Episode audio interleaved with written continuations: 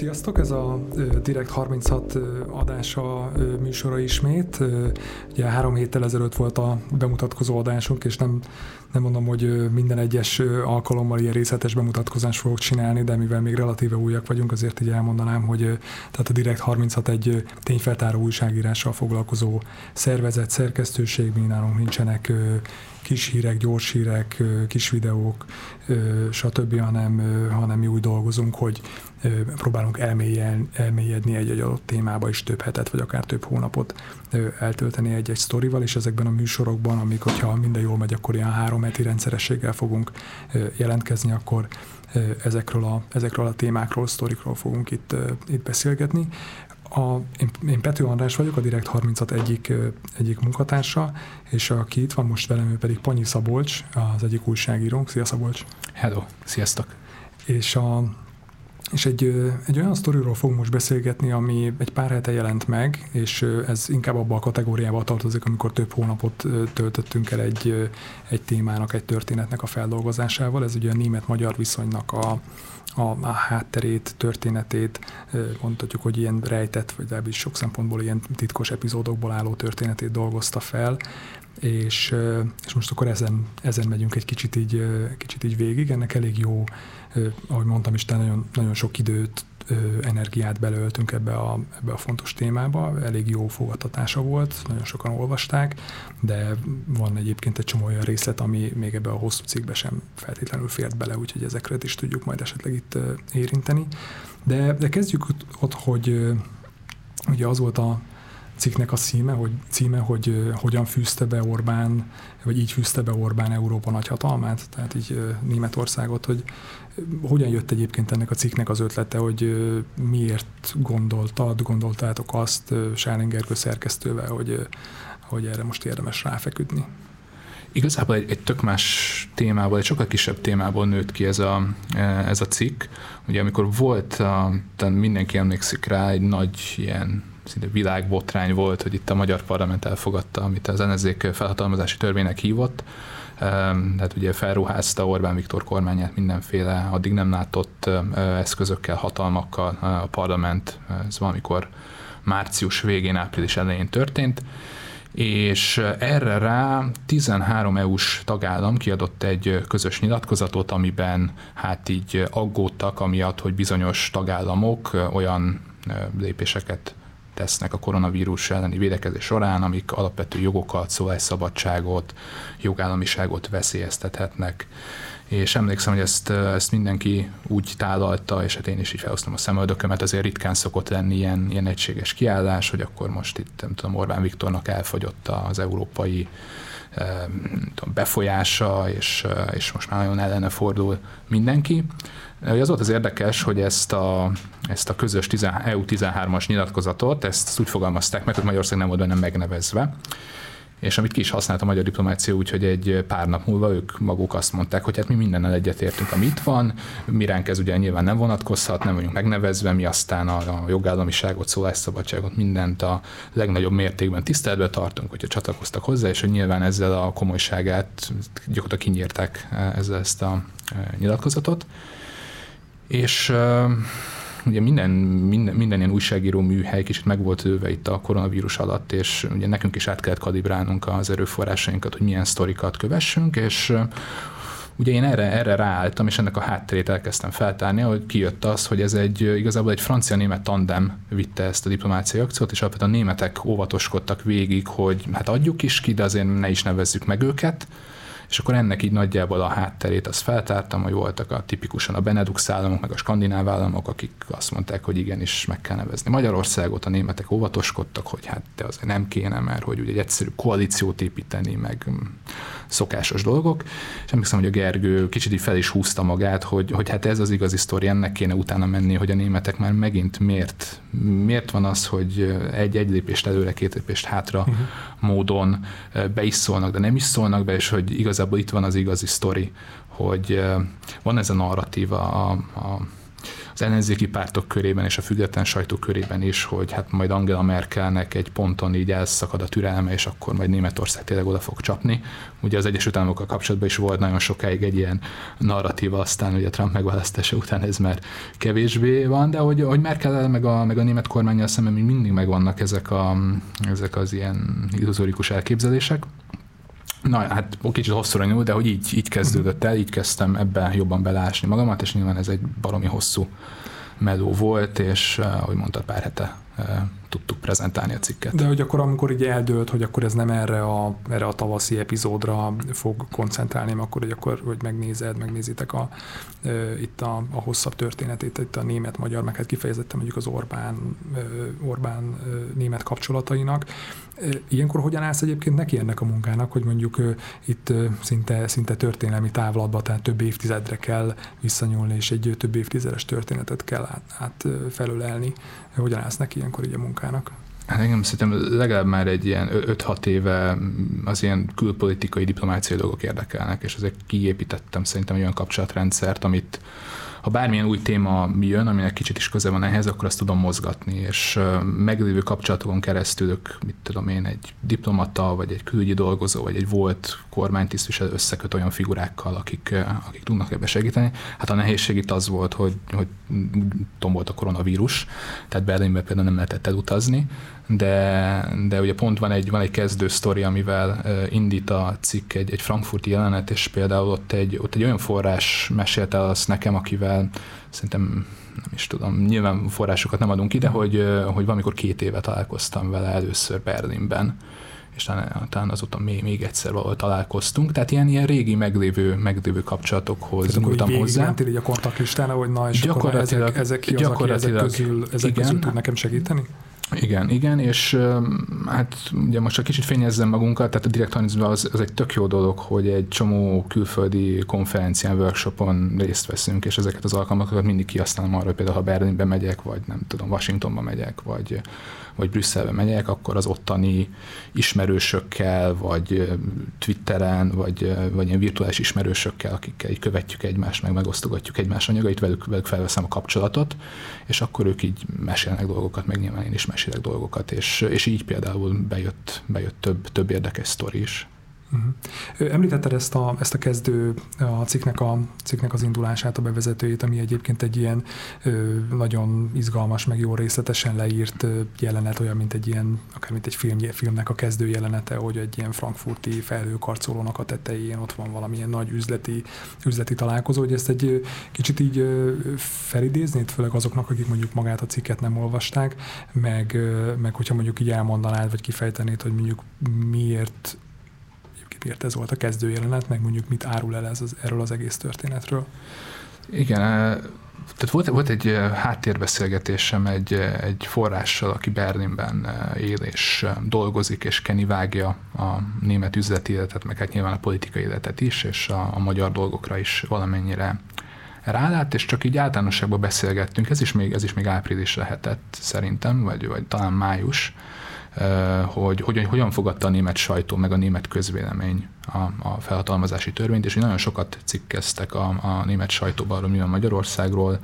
nagyjából az volt a megfejtés, hogy, hogy ott rontott el a magyar kormány igazából a felhatalmazási törvényt, hogy ugye ezt a, ezt a fake news-t büntető passzust is belerakta, amit nagyon sokan úgy emlé- értelmeztek, hogy, hogy az újságírók ellen is felléphetnek majd Magyarországon. Na és ez egy, ez egy nagy szolidaritást kiváltott a, a, a német sajtóból is, meg, meg a világszerte sajtómunkásokból. Um, és akkor ezekről beszélgettünk, és úgy mellesleg elmesélte azt a történetet, ami később a cikk kezdőjenete lett, és, és hát azért lett szerintem az, mert, mert hát a legfontosabb dolgokra világít rá, amiről elég, elég kevés információ jelent meg eddig. Gyakorlatilag az egyik nagy német autógyártó csoportnak az egyik top vezetője, az,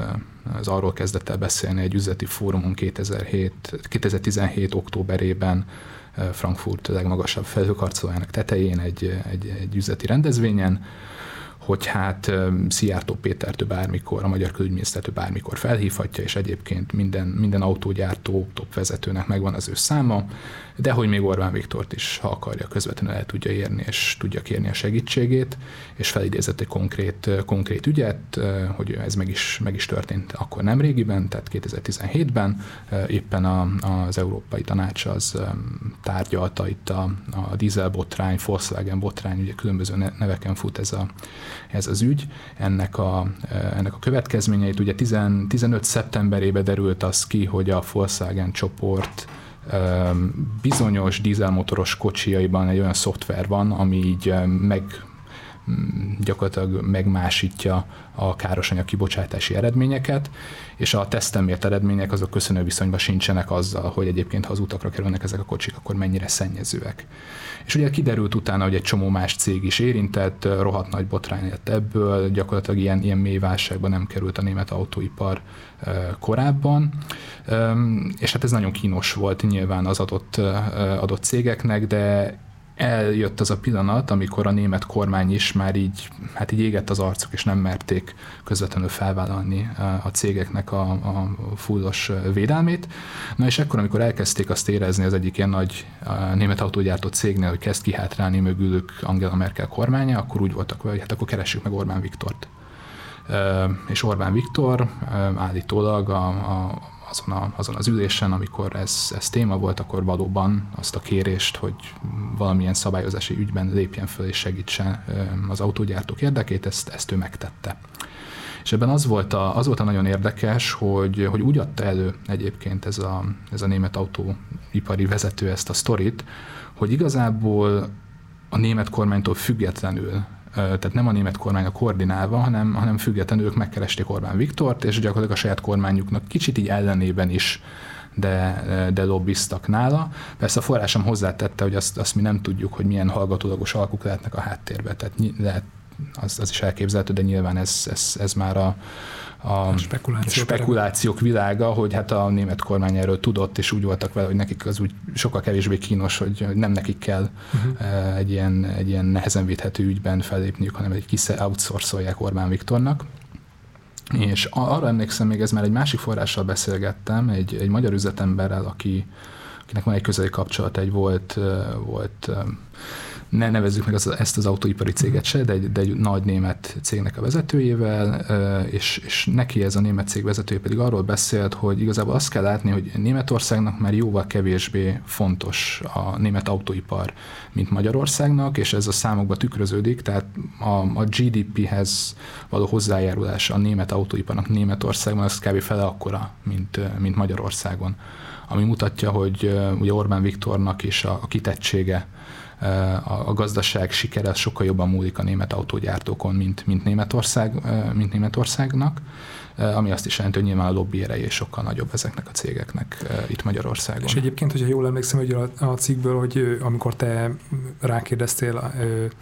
erre a mondjuk magyar kormányzati szereplőknél arra, hogy, hogy valóban ennyire, ennyire könnyű a bejárás a, a német, főleg ugye autó, autópari vezetőknek a kormányzati szereplőköz, akkor így azt mondták, hogy persze, de hogy ebben igazából semmi különleges nincs igazából. Ö, igen, és az... itt, itt, itt van, van egy forrás, akit idézek is, egy, egy, egy, egy volt diplomata, volt külügyminisztériumi tisztviselő, aki mondta, hogy persze, hát Orbán Viktor az, aki, aki védi a német autógyárak érdekeit az Európai Tanácsban.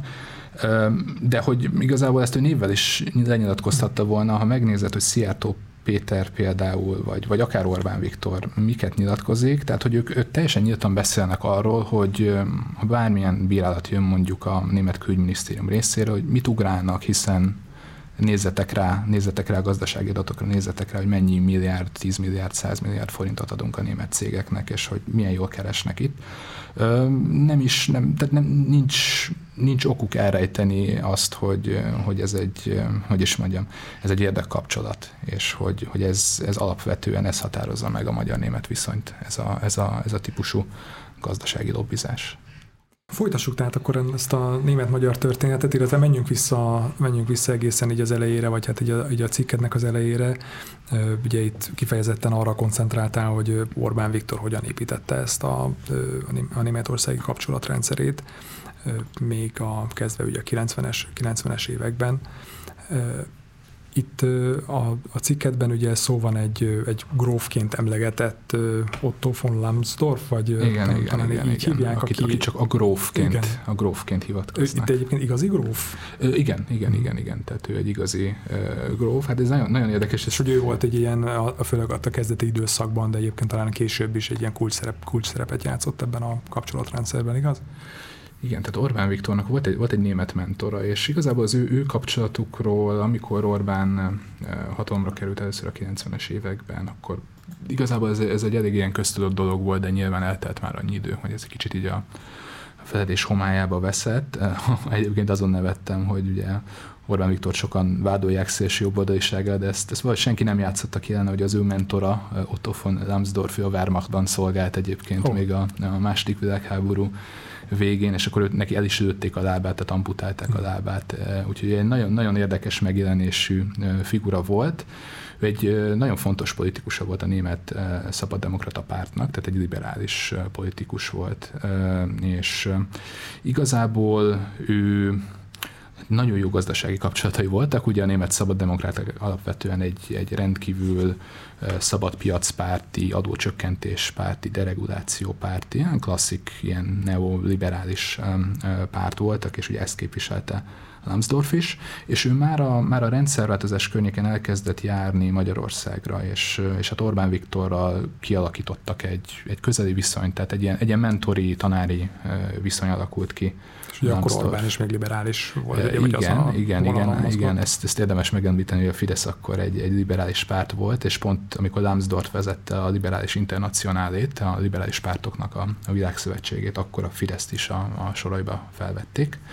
És a Lambsdorff segítette Orbánt tanácsokkal is, illetve nagyon sokat beszélt neki a történelemről, Magyarország és Németország közti mély társadalmi kapcsolatokról. És itt egy, egy fontos ilyen összekötő figura volt Prőle Gergely, ő volt a, a Német Szabaddemokrata párt, pártalapítványának a Magyarországi irodavezetője, amikor Lambsdorff voltak találkozók, akkor elkísérte Orbánt, tolmácsolt neki, és, és egészen, egészen ugye 2000-ig a liberális színekben nyomult a, a Fidesz, amikor is ugye átlépett az Európai Néppártba, és hát eddigre már, már nem Lambsdorff volt a, volt a fő német atyamestere, hanem Helmut Kohl német kancellár, aki 98-ban egyébként már meg, pont megbukott, tehát nagyon érdekes, hogy, hogy úgy lett Orbánnak egy ilyen a források azt mesélték, hogy gyakorlatilag egy ilyen példakép, ugye ő 80, talán 83-tól kormányzott egészen 98-ig, ugye most kiszámolhatjuk, hogy ha tényleg példakép, akkor még uh-huh. uh, akkor igazából jó, jó esélye van Orbán Viktornak, hogy túl is szárnyalja őt uh, a kormányzás hosszát illetően. Uh, Helmut Kohl volt az, akivel uh, egyre többet kezdett el találkozgatni a 90-es évek végétől, uh, amikor Orbán Viktort megválasztották, tehát a választási győzelmének az éjszakáján a második forduló éjszakán 98-ban ő, ő Prüle Gergelynek ki is adta a feladatot, hogy kérje meg Lambsdorffot, hogy szervezzen egy találkozót Bomban, ahol találkozott mindenféle német iparvállalatoknak a vezetőivel, ahol megígérte nekik, hogy a Fidesz az egy rendkívül befektetés barát politikát fog folytatni, nem kell aggódni, itt nagyon jól lesznek tartva a német cégek, és ekkor volt egy, volt egy hosszabb találkozója Helmut Kohl is. Kohl ekkor éppen ugye az újraválasztási kampányban volt, ez 98 tavasszal, 98 őszén volt a, a német parlamenti választás, ahol Kohl megbukott, tehát egy nagyon, nagyon szűk pár hónapig kormányzott párhuzamosan Magyarországon Orbán Viktor, Németországban pedig Kohl, és nagyon érdekes azt elmesélték, hogy hogy még nem vette át Orbán Viktor a hatalmat, de már kapott tanácsokat például a Magyar Külügyminisztériumban, és neki azt tanácsolták, hogy hát frissen megválasztott magyar miniszterelnökként ugyan már találkozzon Gerhard Schröderrel is, mert nagyon úgy néz ki, hogy a német szociáldemokraták akkori vezetője fogja megnyerni a választást, és Orbán Viktor annyira lojális volt Kohlhoz, hogy, hogy ezt például megtagadta. És nekem ez egy nagyon érdekes szál volt az egész történetben, hogy itt, itt azért néha lebecsüljük az emberi kapcsolatokat, és, és azért az érzelmi részét a politikának, és, és tényleg a, a Kohl-Orbán kapcsolat az, az még azt is nagyon meghatározta, hogy ezt nekem elmesélték többen források, ahogyan például Angela Merkelhez állt hozzá hmm. Orbán Viktor. Erről beszélünk, de hogy a, egyébként a, mit, mi az, amit, tehát itt egyszerűen az volt, hogy jött egy, egy relatíve új, vagy újonc politikus, nyilván elég, nyilván korkülönbség elég nagy volt közöttük, ugye Kohl, hát egy történelmi figura levezényelte ugye a német újraegyesítést, tehát ott egy ilyen, egy ilyen bálvány és rajongó vagy imádó viszony volt, vagy pedig, vagy, vagy miben állt ez a viszony közöttük, mert mi az, amit Orbán tanult tőle? Igen, nekem e, e, ez, ez nagyon érdekelt, és erre rá is kérdeztem olyan forrásoknál, akik, akik így ott voltak, ismerték ezt, ezt a viszonyt, hogy ez hogyan alakult, és, és az egyik, egyik volt, volt ilyen fideszes figura, azt mesélte, hogy a Lambsdorff-Orbán kapcsolat az, az inkább volt egy klasszikus tanár-diák, mentor-mentorált viszony. Orbán akkor nagyon fiatal volt, 20-as éveiben járt, és, és akkor tanulta a politikát.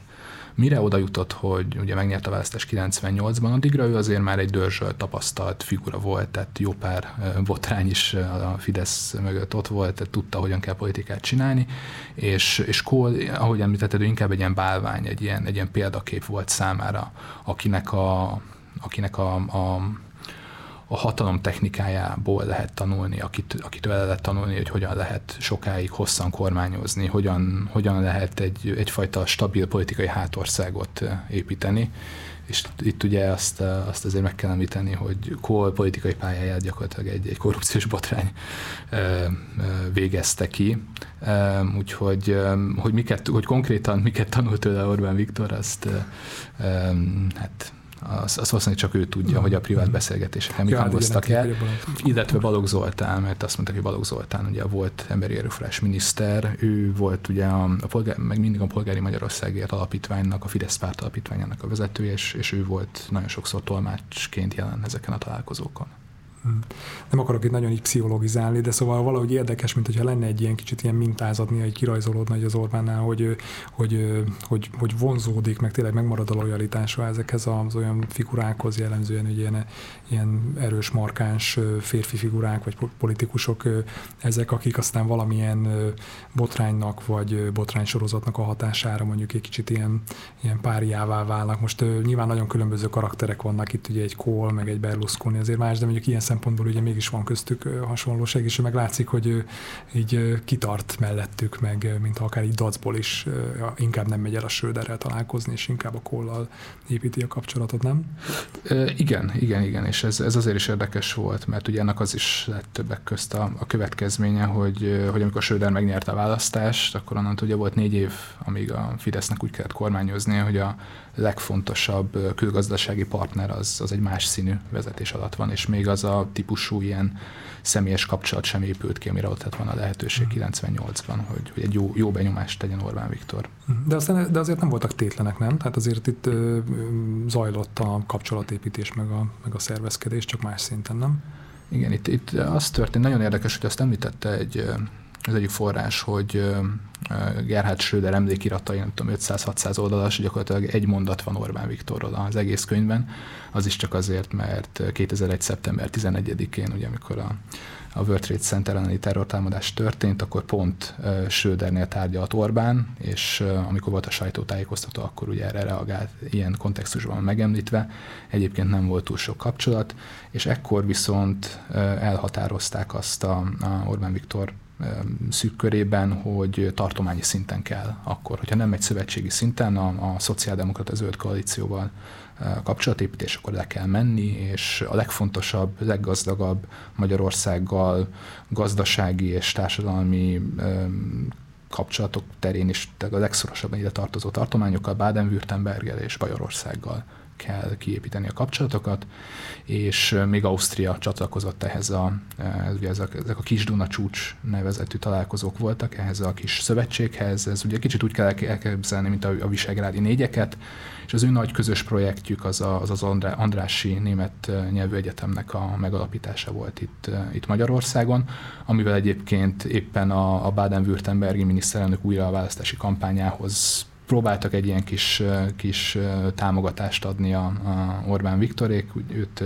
Ervin Toyfelnek hívták. Igazából ő nem, nem volt egy fontos figura, viszont az ő utódja Öttinger már, már igencsak az, aki ugye Günther Oettinger lett később. Ez az EU biztos, aki a, a németek EU biztosa, aki aztán Paks körül is kavart, és aki most kapott nemrég egy zsíros állást a magyar kormánytól. Tehát ezek a kapcsolatok ilyen, ilyen mélyre mennek vissza.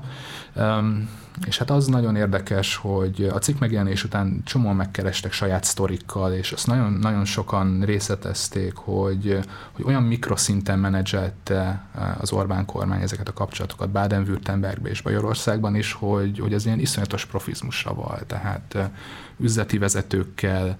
ugye az autógyárak, akik, akik Magyarországon befektetnek, ezek mindenből a két tartományból származnak, a BMW, a Mercedes, az Audi, a, Bosch is egyébként, tehát a, a, a legnagyobb német iparvállalatok mind, mind er, erről, ebből a régióból érkeznek, és ugye az, az a 2000-es évek elején megalapozott kapcsolat az olyan szinten is tovább él, hogy ugye most az elmúlt hónapokban egy csomó hír volt arról, hogy milyen hatalmas német védelmi milyen beszerzések történtek Németországból, vásárolunk tankokat, gyalogsági páncélosokat, közös gyár épül, vettünk harci helikoptereket is, és ezek, ezek mind, mind olyan cégektől, olyan fegyveripari óriásoktól jönnek, akik Bajorországban és Baden-Württembergben vannak jelen.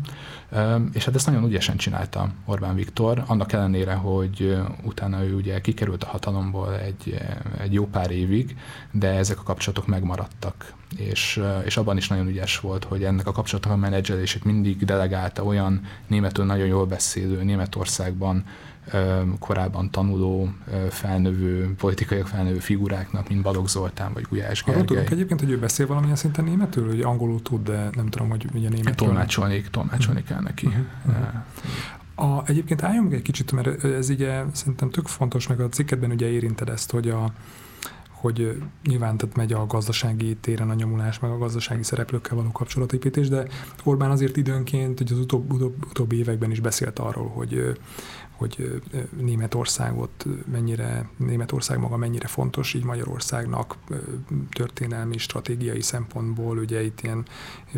háromszögről szokott ugye beszélni Berlin, Moszkva, Isztambul, de aztán időnként ugye ezt még leszűkíti még jobban. Tehát, hogy miért fontos, vagy Orbán mit gondol arról, hogy Németország stratégiai szempontból miért olyan fontos Magyarországnak? Az nagyon érdekes, hogy ugye a Fidesz meg Orbán Viktor retorikájában a szuverenitás, és az, hogy Magyarországnak senki nem mondja meg, hogy mi mit csinálunk, hogy mi, minket minden oldalról támadnak, de hogy mi kiállunk saját magunkért, hogy ezzel iszonyatos kontrasztban áll az, hogy gyakorlatilag Orbán Viktor, és ezt üzleti források magyarázták el nekem a legjobban, semmit nem talált fel, semmi újat nem csinál, a, a valamikor a rendszerváltozáskor született egy olyan politikai döntés, hogy igen, a magyar ipar, a magyar gazdaság az innentől gyakorlatilag Németországéra fog épülni,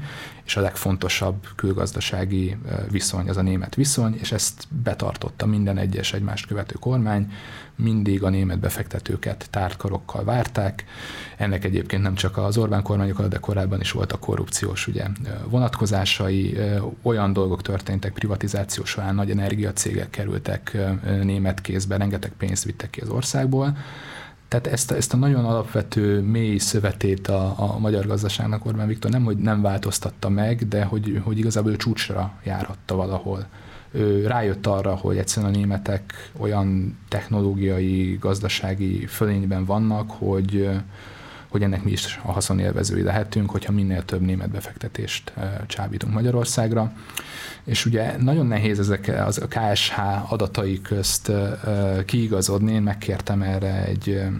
egy, egy nagyon jó makroelemzőt, hogy mondja meg nekem, hogy pontosan mennyire függ a magyar gazdaság a német gazdaságtól és nagyjából az jött ki, hogy gyakorlatilag 10% vagy több mint 10% fölött van az az arány, ami a német autógyárak, illetve az ő beszállítóiknak a, a hozzáadott értéke a, a magyar GDP-hez. Tehát minden tizedik munkahely, minden tizedik megtermelt forint Magyarországon, az, az, az valahogy Németországnak köszönhető. Orbán Viktor azt ismerte föl, hogy, hogy az ő politikai sikere az nyilván a gazdasági stabilitáson alapszik, ez a gazdasági stabilitás és növekedés, ez pedig úgy érhető el a legegyszerűbb módon, hogyha mi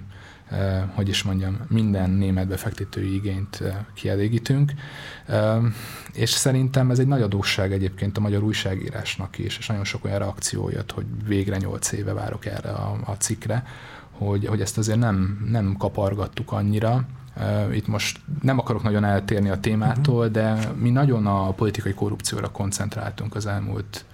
időszakban, és talán túl kevés figyelmet kapott a, a külföldi nagyvállalatok és a, és a magyar kormány, vagy a külföldi nagyvállalatok magyarországi korrumpáló tevékenysége. Szerintem a cikknek a, a népszerűségét talán ez is okozza, hogy volt egy ilyen hiány nagyon sokakban, hogy, hogy végre erről is lehet olvasni. Tehát Panyi Szabolcs van itt e, velünk, és a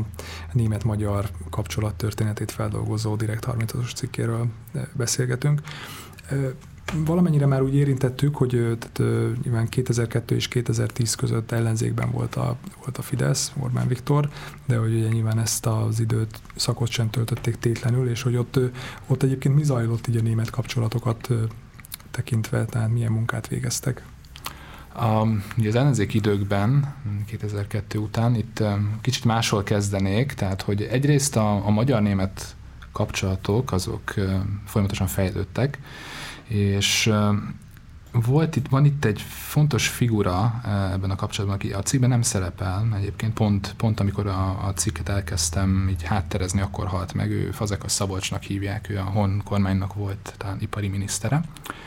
és ő 98-ban ő a Daimlernek lett magyarországi, vagy talán valami régiós vezetője, és ő a, miközben az Orbánék kormányoztak, ő, ő építgette itt ezt az autolobbival való kapcsolatát, és ő elkezdte Magyarországra hozogatni Klaus Mangoldot, aki szintén a Daimlernek volt akkoriban egy, egy felső vezetője, és ő, és ő később egy nagyon fontos lobbistája lett a, lett a magyar kormánynak. Ez a sztori csak azért érdekes, hogy igazából, hogy éppen szocialisták vagy fideszesek kormányoznak Magyarországon, az a német nagy tökének az teljesen mindegy, ők azzal akarnak jóban lenni, aki épp kormányon van. És ami viszont a, a kormányközi kapcsolatokat mindig befolyásolt, az a pártszínek. Tehát ugye 98-2002 között volt egy konzervatív, vagy hát jobboldali magyar vezetés, és volt egy baloldali német, és 2002 után ugye Megyesi Péter az MSP hatalomra került. Na ott az történt, hogy ő rögtön el is szúrta az egész német kapcsolatrendszert, annak ellenére, hogy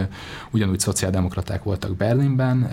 de amikor az Egyesült Államok ugye megindította az iraki háborút, akkor ez ugye rendkívül megosztotta Európát, Németország és Franciaország nagyon ellenezték az egészet, Megyesi Péter viszont valamilyen oknál fogva több kelet-közép-európai állammal együtt aláírt egy olyan levelet, amiben ők ugye támogatásáról biztosították. Az új Európa, uh, és a régi Európával szemben ugye valami Igen, volt. Bush elnököt és ezt a, ezt a kis közel-keleti kalandot, és, és onnantól eléggé el, elvágódtak a kapcsolatok, és a, a szoci érában emiatt olyan nagyon magas szintű politikai kapcsolatok nem is, nem is voltak, és ugye 2000, a 2000-es évek derekától pedig Angela Merkel került hatalomra Németországban. Na most így meg kell említeni egy nagyon fontos fórumot, ahol gyakorlatilag a párhuzamos diplomácia világának az egyik legfontosabb fórumát német viszonylatban, ezek a német pártalapítványok. Más, más országoknál nincs nagyon hasonló típusú ilyen intézményrendszer. Ugye a németeknél a szociáldemokratáknak, a konzervatívoknak, a zöldeknek és a, és a szabaddemokratáknak is van, vannak pártalapítványok, akiknek egy, egy ilyen nemzetközi hálózatot hoztak létre, vannak irodáik Budapesten, meg egy csomó országban. Nyilván minél nagyobb egy párt, minél több állami forrással gazdálkodik, annál több ilyen irodát tud nyitni és ezek a pártalapítványok, ezek a helyi szövetségesekkel, az azonos színű, pártszínű ö, ö, politikusokkal, figurákkal tartják a kapcsolatot, és ö, nekem egy CDU-s forrás az elmondta, hogy ennek a, ennek a pártalapítvány struktúrának a legfontosabb ö, ö, eredménye az az, hogy ők akkor is tudnak promotálni, építeni, népszerűsíteni, helyzetbe hozni figurákat egy adott országban, mondjuk Magyarországon, mondjuk Orbán Viktor, mondjuk a Fideszt, amikor ők nincsenek kormányon. És itt meséltek olyan sztorikat, például olyanok, akik a, a 2015 világban, a magyar diplomáciában jelen voltak, hogy például a, a CDU párt alapítványának az akkori vezetője, a Konrad Adenauer alapítvány akkori vezetője, az Kerek Perec megmondta az én egyik forrásomnak, hogy Angela Merkel nem fog Magyarországra jönni. Uh, egyszerűen azért, mert nem fogják ezt a gesztus megtenni egy, egy szocialista magyar kormánynak, és volt még egy nagyon érdekes anekdotás, se került bele egyébként a cikkbe, hogy 2008 végén Stuttgartban volt a CDU-nak egy nagy országos gyűlése, Angela Merkel is felszólalt, és ugye akkor éppen közeledett a, a rendszerváltás évfordulója, és a beszédben ott elhangzott, hogy ki mindenkinek hálásak a németek a német újraegyesülésért és a um, um, berlini fal és ugye hogy, hogy nem Magyarország kimaradt ebből a felsorolásból, és az én forrásom az, az hát így meglepődve kérdezte a, a CDU-s összekötőt, hogy hát ez így hogy történhetett, hogy biztos valami hiba történt, és az volt a nagyon hűvös válasz, hogy a kancellár pontosan tudja, hogy mit beszél. És utána 2009-ben már Bajnai Gordon volt a miniszterelnök, iszonyatos erőfeszítésekbe került az, hogy legalább Sopronig el tudják hozni Angela Merkelt a, ugye a pán-európai pikniknek a, a 20. évfordulóját megünnepelni. Az informásom ezzel kapcsolatban azt mondta, hogy ez a jövök is, meg nem is jövök, adok is, meg nem is, ez volt nagyjából a, a, a gesztusnak a, a, az értelme. Nagyon sokszor szerintem nem vesszük figyelembe, hogy a, hogy a pártszínek, a pártcsaládok azok mennyire meghatározzák eh, ezeket a kapcsolatokat, és annak ellenére, hogy mondjuk Magyarországon éppen nem Orbán Viktor volt hatalmon, de a német kormány ennek ellenére favorizálta őket, és egyébként ellenzéki éveiben is voltak találkozók Angela Merkel és Orbán Viktor között. Egy jó személyes viszonyt kialakítottak, viszont ezt minden forrás kiemelte, hogy ez a viszony ez nem hasonlítható se a Kohl, se a Lambsdorff viszonyhoz. Ez sosem vált igazán bizalmivá, vagy igazán közelévé nem vált barátság, ez és egy jó munkakapcsolat. És ez mennyire, játsz, az, a, mennyire játszott szerepet ebben a, tehát az Orbán-Merkel kapcsolatban az, hogy ugye Merkelt egy kicsit, ugye ő is Kohlnak egy ilyen ö, protezsátja volt, ö, Kohl ugye felkarolta, de aztán ugye a Merkel, mint hogyha egy, így szembefordult volna vele, vagy elárulta volna, hogy ugye, amikor a CDU-n belüli mozgások voltak, hogy ezt, a, ezt Orbán, mint ugye Kolnak egy ilyen feltétlen tisztelője, ezt mondjuk ezt megbocsátotta -e? Hát voltak források, akik,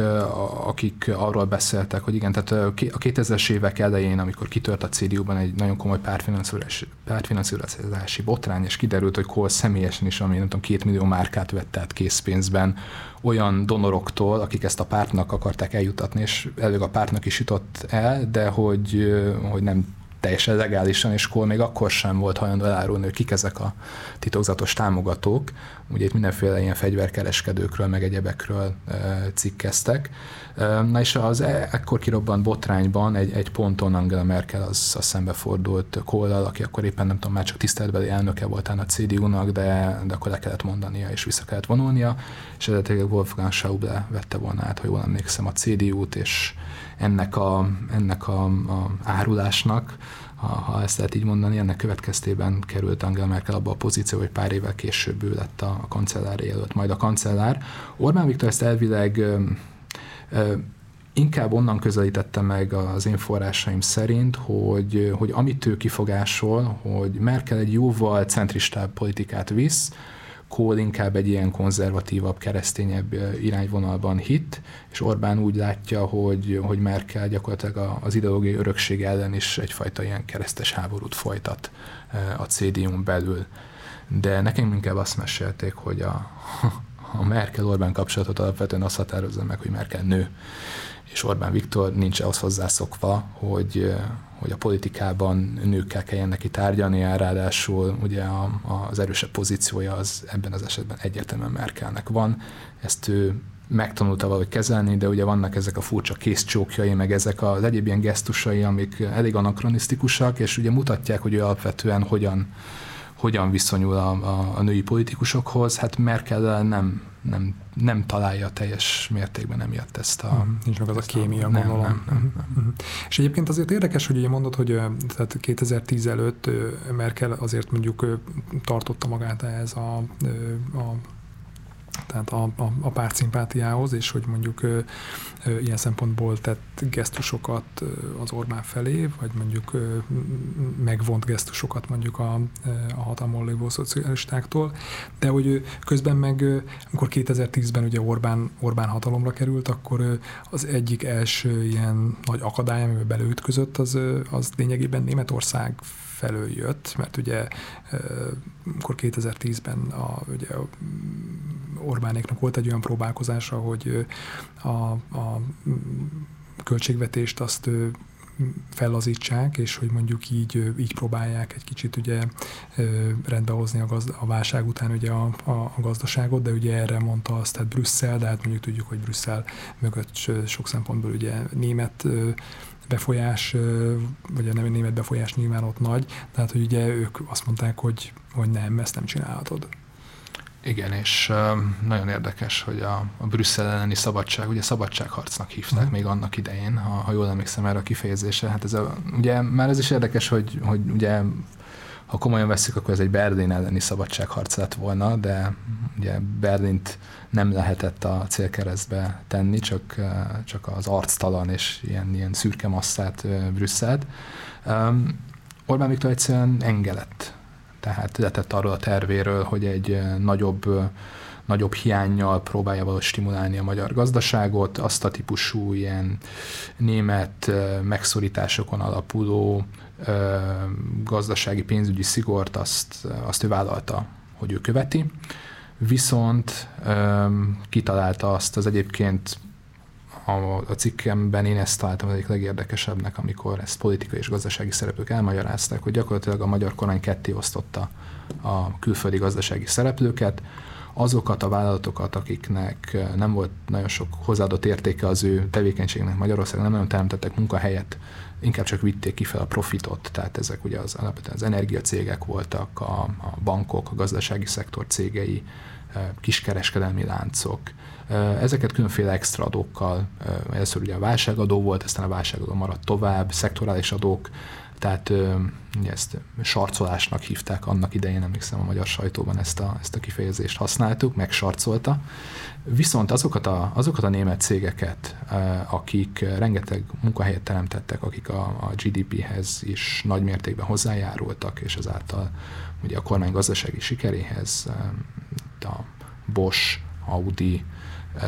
illetve ugye később a Mercedes, tenyerükön hordozták, tehát ők mindent megkaptak a, a, a magyar kormánytól, amit akartak. A G7-nek vannak, voltak ebben a témában remek, remek grafikonokkal ellátott elemzései, megnézték, hogy tényleg hány 10-100 milliárdot öntöttek német cégekre közvetlen állami támogatásként a, a magyar kormányból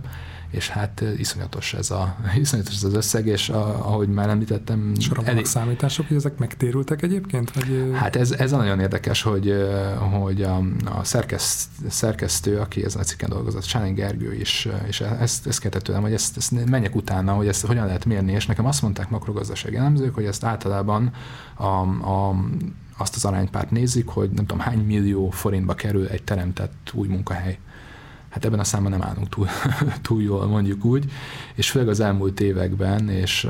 a hivatkozott G7-en volt például egy kiváló cikk erről, például az Audi folyamatosan csökkenő magyarországi munkaerő mellett is kapott folyamatosan állami támogatást munkahely teremtésre. Tehát amikor a nyilvánosan elérhető adatokból is tök nyilvánvaló volt, hogy nem teremtődnek új munkahelyek, egyébként azért nem, mert ugye átállnak e-motorok gyártására, és ahhoz kevesebb időerő kell, tehát annak ellenére nem teremtődtek új munkahelyek, munkahelyen teremtésre, meg modernizálásra kaptak állami támogatást. Nyilván vannak, nyilvánvalóan vannak más számítások is, amik, amikből a magyar kormány azt gondolja, hogy ez nekik megtérül, de ezeket ugye nem lehet úgy eladni a, a közvélemény előtt, mint azt mondani, hogy mi azért adunk magyar adófizetők pénzéből német nagyvállalatoknak akár adókedvezmények, akár közvetlen támogatás formájában pénzt, hogy abból munkahely legyen. A, ugye amikor Németország, német sajtóban Magyarországról szó van így az elmúlt években, akkor ugye nagyon hangsúlyosak ezek a témák, hogy a sajtószabadság, a demokratikus intézményeknek a, az állapota, tehát úgy tűnik, mint hogyha annak alapján, hogy ez egy ilyen nagyon fontos szempont lenne. De mi a helyzet a, mi a, helyzet a német diplomáciával, vagy mondjuk a német gazdasági érdekeknek, gazdasági szereplőknek a mozgásával. Ugye, ugye itt a cikkedben van egy nagyon jó történet, ami így ezt valamennyire illusztrálja, hogy amikor a, az egyik független kormány, független lap próbált hirdetéseket szerezni német cégektől, akkor ugye nem jutottak túl messzire. Hát ez egy, ez egy, ez egy tök jó kérdés, és hogy a, a német, német sajtópiac a legnagyobb Európában, és vásárlóerőben példányszámban tényleg sok százezres napilapok működnek, és maga a német nyilvánosság is olyan, hogy ezeknek nagyon nagy nyomást gyakorol ereje van adott esetben a, mármint az, hogy mi jelenik meg a német lapokban, az a német döntéshozókat hát jóval, jó, jóval nagyobb arányban befolyásolja, mint Magyarországon, de nyilván nálunk egy speciális helyzet van ilyen szempontból. És ezért nem, egyáltalán nem mindegy, hogy, hogy maguk a német vállalatok hogyan viszonyulnak például ahhoz a tényhez, hogy miközben a német sajtóban megjelennek csúnya dolgok Magyarországról, hogy itt lebontják fékeket és ellensúlyokat, a jogállamiság az csúszik vissza, közben ők minden fenntartás nélkül üzletelnek Orbán Viktorral, és kapnak mindenféle támogatást. És hát erre volt egy nagyon jó sztori az, amit én először egyébként szerintem tavaly, tavaly nyáron hallottam a György Zsombortól, a Magyar Hangnak a főszerkesztőjétől. Ez a sztori az arról szól, hogy a, a Magyar Hangnak a lapigazgatója Lukács Csaba, ő kilincselt mindenféle hirdetésekért a magyar hanghoz. Ugye a magyar hang sztoriát szerintem a, a hallgatóknak nem kell annyira elmagyarázni. Ez a volt Magyar Nemzetes Társaság, tehát a, a, akik független magyar nemzetet eh, csináltak, és egy kormánykritikus eh, eh, lapot egészen addig, amíg ugye Simicska Lajos 2018 után nem kapitulált és nem adta az érdekeltségeit kormányközeli kezeknek.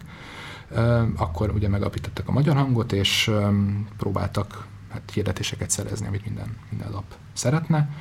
és őket folyamatosan lepattintották, német, nem tudom, Lufthansa-t említették, Lufthansa meg is reagált, egyéb német vállalatok sem. Az Aldival volt egy egész komoly uh, csatározásuk, az Aldi már a G-nap után rögtön leszette a magyar nemzetet a polcokról, és a magyar időkkel helyettesítette. Uh, aztán, amikor a magyar hang elindult, nagyon sokáig nem volt hajlandó egyáltalán árulni az Aldi a magyar hangot, ezt is különféle hát ilyen, ilyen bozót harcos eszközökkel mm. tudták végül a, a polcra rakatni a, a György Zsamborék, és végre valahára az egyik nagy német autógyártónak a képviselői fogadták őket, ahol tartottak egy prezentációt arról, hogy hát a magyar hang a, már a második legolvasottabb közéleti heti lap, egyébként tök prémium olvasóik vannak, ha jól emlékszem, 10 ezer körüli az olvasószám, példányszám, és hát az volt a reakció egyébként egy német nemzetiségű képviselőtől ennek a német autógyártónak, hogy hát tök jó, abszolút passzol, a profiljukba, majd amikor lement a prezentáció és mentek ki, akkor a folyosón azt mondta a, a Lukács Csabának, aki ezt nekem elmesélte, hogy hát értsék meg, hogy minden nagyon szép, minden nagyon jó, de hogy ők nem akarják kockáztatni azt a sok milliárdos magyar állami támogatást, amit ők a következő gyárukra kapnak Magyarán azért nem hirdetnek egy ellenzéki orgánumban teljesen piaci alapon, mert, mert félnek a politikai következményektől. És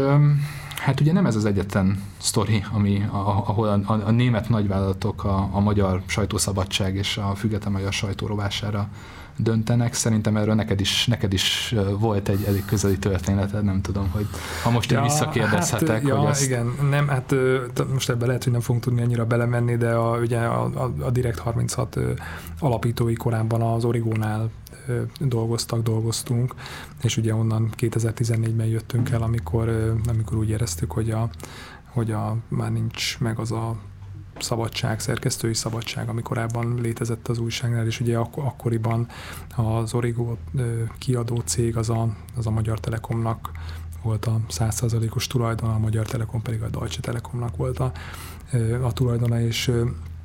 Azért nehéz erről beszélni egyébként, mert igazából nekünk, akik ott voltunk, meg átéltük a, az egyik végén ezt a történetet, hogy hogyan próbáltak nyomást gyakorolni a ránk, és hogyan próbálták elérni, hogy bizonyos cikkek ne jelenjenek meg, hogy igazából nagyon keveset tudtunk arról, hogy a, a, a felső szinteken, tehát mondjuk egy, egy Deutsche Telekom szintjén mi történik. Tehát nagyjából olyan információink voltak nekünk is, csak mint ami, ami aztán megjelent a sajtóban, ugye a 444-nek voltak akkoriban erről cikkei, később egyébként a New York Times feldolgozta egész, egész részletesen, tehát azokból úgy az olvasható ki, hogy hogy, hogy ott valóban volt nyomásgyakorlás a, a németekre, és hogy hát ez, ez szűrődött aztán le egészen ott a mi kis újságszerkesztői, újságcsinálói szintünkre. Úgyhogy igen, nagyjából erről ennyit tudok mondani, de valóban, tehát ez is egy része lehet ennek a, ennek a sorozatnak. Itt most elmondanék egy sztorit egyébként, tehát a cikk megjelenése után kaptam egy, kaptam egy üzenetet, egy, egy remek sztorit részletesen írt egy, egy kolléga, aki egy időben egy olyan lapnak dolgozott, ami szintén egy ilyen délnémet, szerintem Bajor kiadó tulajdonában van, és ő arról, arról beszélt, hogy hozzájuk fél évente lejöttek a, a német kiadóból a, nem tudom, aktuális Johannes vagy Klaus, vagy hogy hívták éppen a, akkor a kiadói embert, aki Magyarországért volt felelős, és ő elmondta ezeken az értekezeteken, amiket itt a, a, ennek a magyar lapnak a, a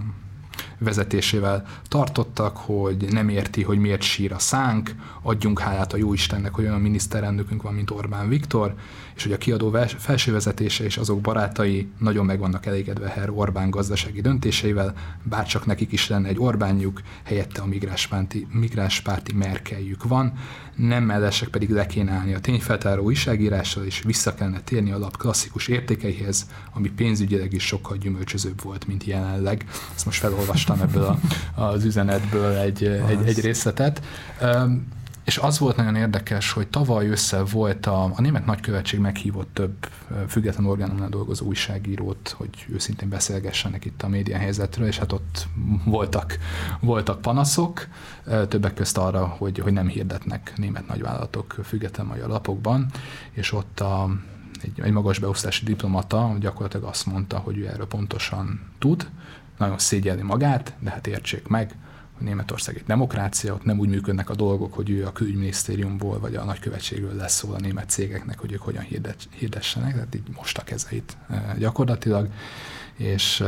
hát ez is szerepel a cikkben, az egy nagyon édes sztori, hogy utána pedig a, a német követségről az egyik diplomata elment külön a Magyar Hang szerkesztőségébe, ahol meghallgatta a panaszokat, két órán keresztül egyébként a beszámolók szerint tényleg komolyan érdeklődött, és, és hát utána meg is érkezett a segítség másnap. Egy példányban előfizetett a német nagykövetség a magyar hangra, úgyhogy a, a György Zsombor mesélte is, hogy most már nem tudom, kb. 9000 vagy 10 ezer forintnyi pénz jön be évente a, a német nagykövetségtől. Uh-huh. Jó, hát egyébként szerintem azért, mint a,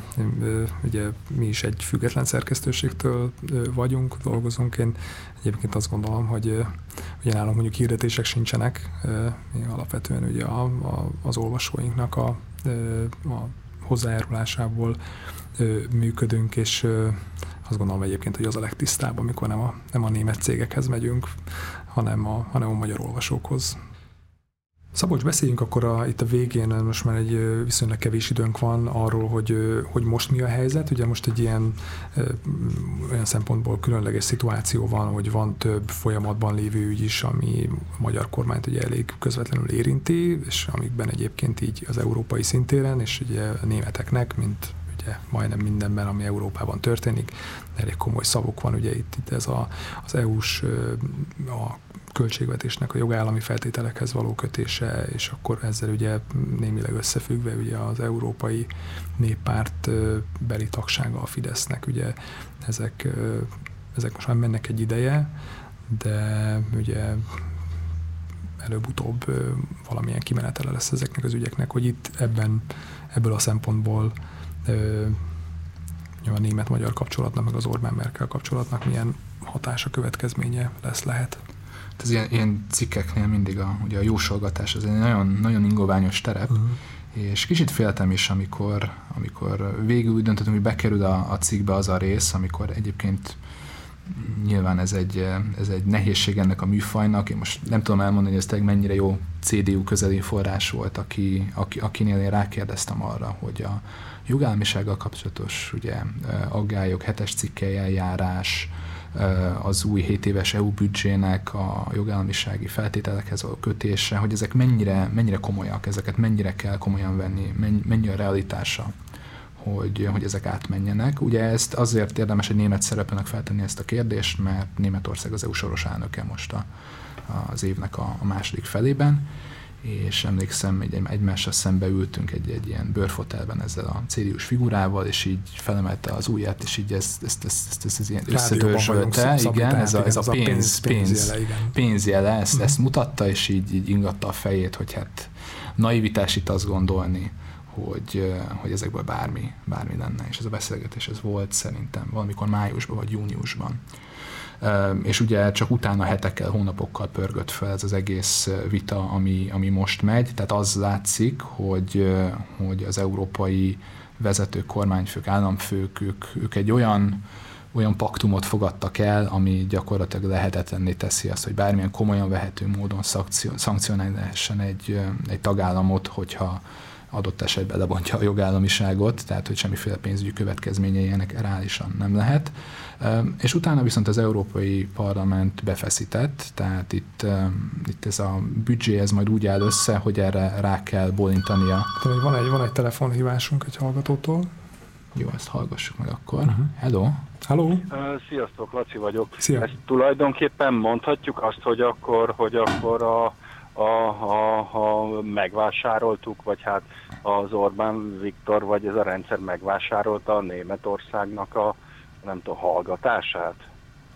Ez egy nagyon jó kérdés, és egyébként a, a, amikor a cikk címén gondolkoztunk, akkor, akkor ebből volt egy vita, hogy ki vásárolt meg kit. E, gyakorlatilag a, ha úgy is vehetjük, hogy Németország vásárolta meg Orbán Viktort, Orbán Viktor nyilván azt gondolja, hogy ő vásárolta meg a németeket. Ez egy ilyen érdekes szimbiózis. De, de... Lehet, lehet azt mondani, hogy Németország vásárolta meg Orbán Viktort? Hát ez az. Nem, nem az, nem az, nem, vagy hát én, én, én végül is hát ezt így ennyire nem látok bele a politikába, de nekem, nekem néha az az érzésem, hogy a Viktorral való együttműködés a, a bár kifizetődő, de gyakran kényelmetlen a németeknek, nem? Tehát, hogy, hogy mondjuk hát talán ha az orosz vonalat nem számítjuk, de az Európán belüli viselkedése az Viktornak, meg az a fajta, hogy, hogy is mondjam, illiberális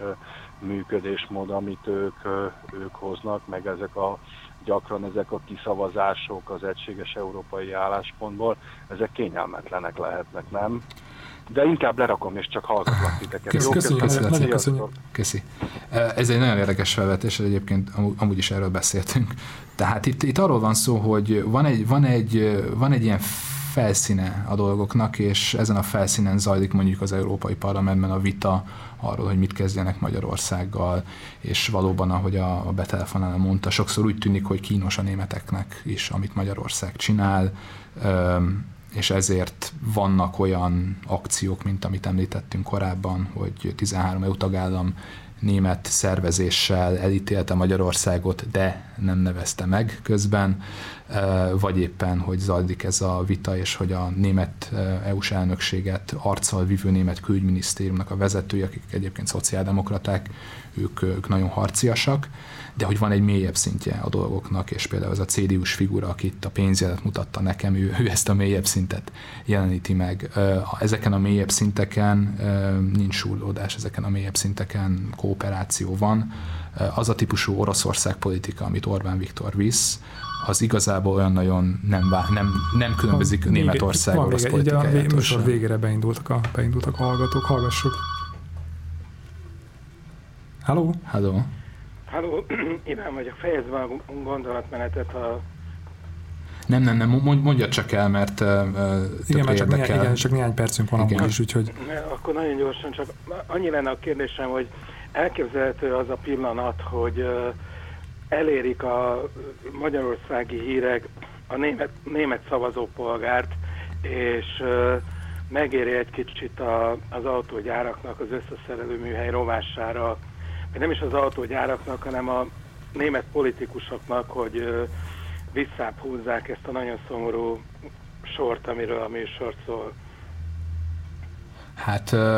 ez, a, ez gyakorlatilag ez mindenki arra számít, hogy ez meg fog történni. Tehát most nagyon nagy szerencsé van az Orbán kormánynak, hogy még olyan politikai konstelláció van Berlinben, ami van, és hogy egy CDU vezetésű nagy koalíció van a helyén. Ugye a szociáldemokraták is egyébként annak ellenére, hogy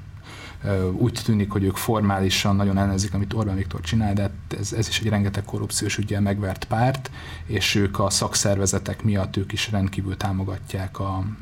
a német autógyárakat, viszont mindenki arra számít, hogy jövőre, amikor választás lesz, akkor a zöldek fognak bekerülni a koalícióba,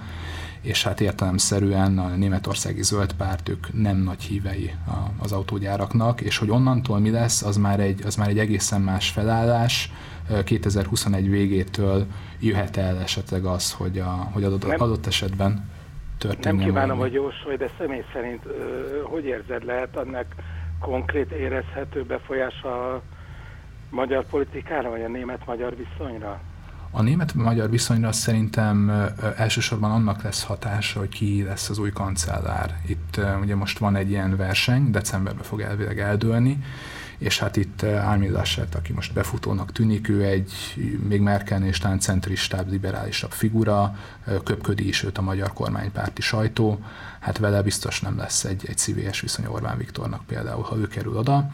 Markus Söder, a CSU-nak az elnöke, ő szintén ilyen zöld irányba tájékozódik, és róla is tudni, hogy ő sem kedveli Orbán Viktort. Adott esetben ő is oda kerülhet egyébként a kancellári székbe, ez se lenne egy jó opció. Úgyhogy egyelőre nem, nem tűnik tűrózsásnak a magyar kormány szempontjából, viszont nagy szerencséjük, hogy mondtam, hogy idén még eldőlnek fontos kérdések, amikben a jelenlegi, jelenlegi felállásnak van döntő szava. Meg hát azért ugye volt már egy... Köszönjük. Nagyon jó a műsor, köszönjük. Köszi szépen. Köszönjük. Köszönjük. Szia. Ö, igazából tényleg csak egy, egy vagy két percünk van, oh, még egy, még egy telefonhívás, akkor még ezt hallgassuk meg, aztán, ö, aztán lassan tényleg ugye be kell fejeznünk. Halló? Nagyon gyors leszek,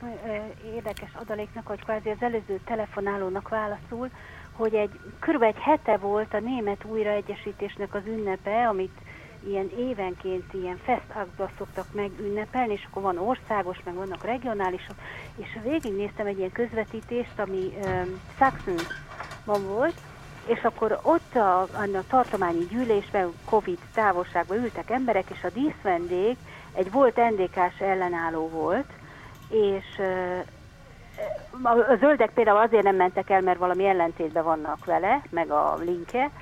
és akkor ez az ember egy nagyon klassz, hosszú beszédet mondott amúgy, amiben elmondta, hogy az újraegyesítés így meg úgy több magyar nevet emlegetett akkori barátait, és hogy ne felejtsük el, mondta, hogy mennyivel nehezebb volt a magyaroknak meg a cseheknek, akiknek nem adtak pénzt a gazdag nyugati testvéreik,